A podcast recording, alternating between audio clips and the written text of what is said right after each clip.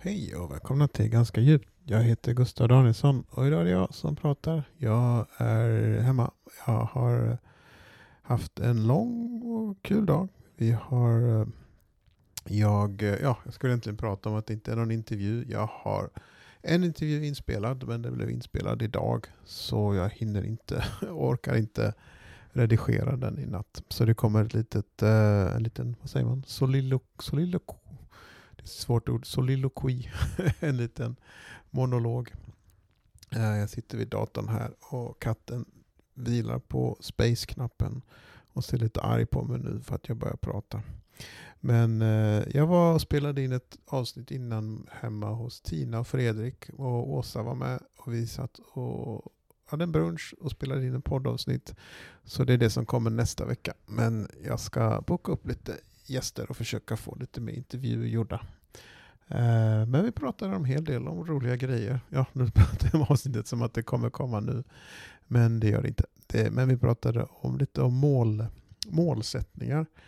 Och Det var någonting man pratar om ganska ofta i livet. Målsättningar, prioriteringar och vart man vill komma någonstans. Men jag är också alltid en förespråkare att vara i nuet på något sätt. Och försöka vara nöjd där man är. Uh, jag lyssnar också på en annan podcast med en gubbe, jag tror han heter Damarato. Han är en munk som bor i Thailand och är från sydstaterna i USA och har en väldigt härlig brytning. Så här riktigt bred sydstatsdialekt när han pratar om dharma och buddhism. Och han pratar att det, folk försöker alldeles för mycket när de mediterar. Att de, eh, man slängs oftast in i en kontext när man, som gör att man eh, försöker alldeles för mycket. Och man missar det Buddha skrev i texterna om att det handlar om att eh, slappna av. Och att inte tro att ens problem ligger jättedjupt på något sätt att de flesta problemen ligger på ytan med ens oro etc. Jag tyckte det resonerade, res, resonerade. Eh, det, är liksom, det är ett konstigt ord på svenska. Resonera känner jag att det låter som att man eh, pratar ut det. Men när jag säger resonera så tänker jag mer om resonans. Att det var någonting som klingade sant inom mig. Att det, det är inte så djupt egentligen. Att ens oro ligger ganska på ytan. Och, men det, det, är så lätt att säga det. Det är som att gå till en psykolog och säga att man har massa problem och så säger psykologen ah, men sluta med de problemen och så gör man det. Det är lite eh, den grejen och det vet jag att det är inte lätt. Eh, men enligt den här buddhistgubben så, så kan det vara så lätt. Men eh, just det, det pratade Alan Watts om också i något, något föredrag. Jag hörde att det här med förståelse. Att man kan förstå någonting i text och i eh, och ja. Att man hör någonting och så förstår man det. Men man kanske inte förstår det för att man kanske inte förstår det helt. För många saker förstår man ju men man har liksom inte texten i det på något sätt. Jag förstår hur man andas. Jag förstår hur jag rör min hand men jag, jag kan inte skriva ner hur jag gör på något sätt. Jag förstår det så intuitivt på något sätt.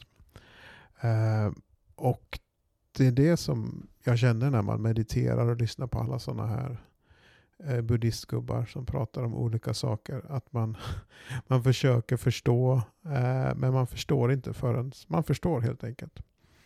Eh, om ni förstår ni. Eh, det är kanske svårt att hänga med. Jag hänger knappt med själv. Men eh, i alla fall, kort sammanfattning. Var i, nu var i nuet och eh, gör det inte så komplicerat på något sätt. Det är många saker kan man bara släppa på något sätt. Och eh, När en mediterar, gör inte det smärtsamt. Liksom sitt mjukt och skönt och upprätt. Det är viktigare än att sitta i någon slags position på något sätt som ska låsa chakror etc. Så jag vet inte, jag har prövat det de senaste dagarna när jag har mediterat. Bara liksom suttit väldigt avslappnat och rätt upp och jag känner att eh, resultaten som gör, som liksom många gånger när jag suttit och mediterat i så här en halvtimme, 40 minuter så liksom känner man att första 20 minuterna, halvtimmen är liksom bortkastade för att man liksom smälter bort dagen och alla ens tankar för att komma till någon slags superkoncentration. Men när jag har suttit med bekvämt på något sätt upp upprätt rygg nu så känner jag att jag kommer in i det mycket snabbare. Eh, men det, det, har väl med träning att göra också kanske. Men ja, jag, jag förstår verkligen grejen med att vara bekväm när jag mediterar. Också att han pratade om att det handlar om att förlora någonting. Det handlar inte om att vinna någonting utan att en ska släppa ens um, grasping, ens, uh, ja, ens, uh, vad säger man, eh, greppande om vardagen och, eller om saker och ens, vad säger man? Ja, jag är lite för trött kanske för att hitta ord. Men eh, släpp grasping och eh, då är, kommer man närmare för nirvana. För nirvana betyder liksom att stilla ens värme på något sätt. Att den, det tar slut. Att den sluta vara så uppjagad och exalterad. Och utan det handlar om att liksom calm down.